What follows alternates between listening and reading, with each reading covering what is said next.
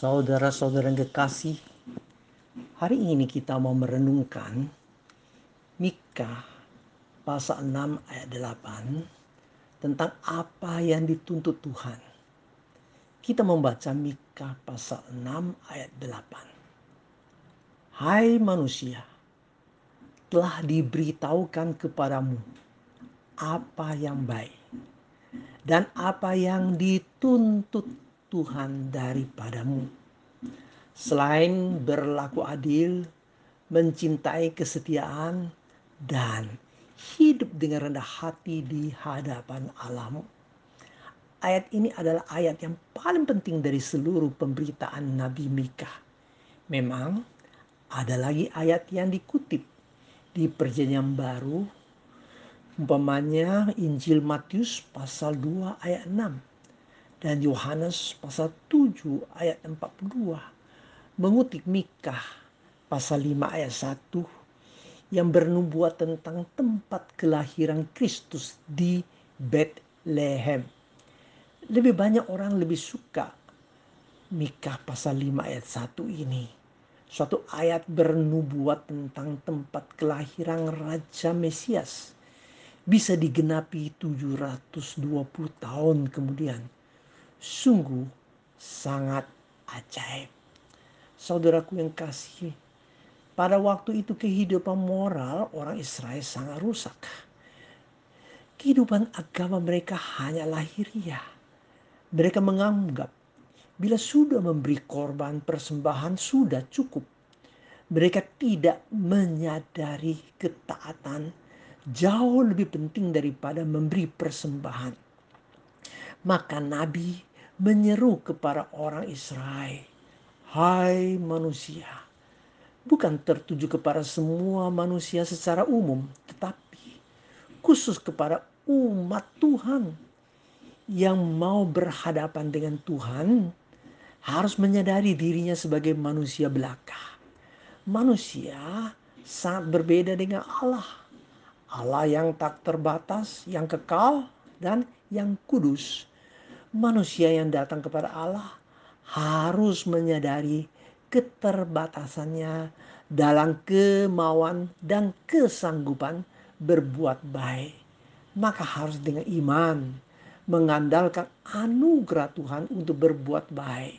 Di sini ada triple standar kebaikan yang dituntut Tuhan daripada kita. Pertama, berlaku adil, yaitu tidak memihak dan jujur dalam memperlakukan sesama. Jangan kita suka menghakimi orang. Bila mau menghakimi orang lebih baik menghakimi diri sendiri dulu di hadapan Allah. Injil Matius pasal 7 ayat 12 adalah golden rule atau kaidah emas tentang kelakuan. Segala sesuatu yang kamu kehendaki supaya orang berbuat kepadamu. Perbuat demikian juga kepada mereka. Itulah isi seluruh hukum Taurat dan kitab para nabi.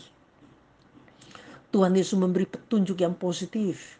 Sedangkan Konghucu memberi ajaran yang sama dari aspek negatif. Kata Konghucu, apa yang kamu tidak suka jangan lakukan kepada orang lain. Contoh, bila kita tidak suka dicuekin, jangan kita cuekin orang. Ajaran yang negatif bisa membantu kita memahami ajaran Yesus yang positif. Hal yang sama, bila kita menerapkan ajaran Yesus, kita tentu suka orang senyum sapa kepada kita. Maka, senyum sapalah kepada orang kita harus berlaku adil sesuai anugerah dan ajaran Tuhan Yesus. Yang kedua, mencintai kesetiaan, yaitu ketaatan kepada suatu perjanjian dan kasih dalam perjanjian.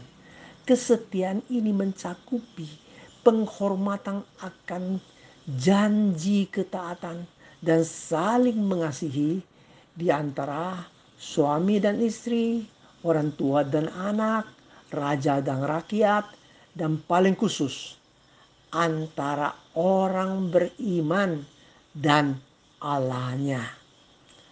Alkitab Bahasa Indonesia sehari-hari mengatakan selalu mengamalkan cinta kasih. Selalu mewakili Tuhan berbuat sesuatu kebaikan kepada orang yang dibutuhkan.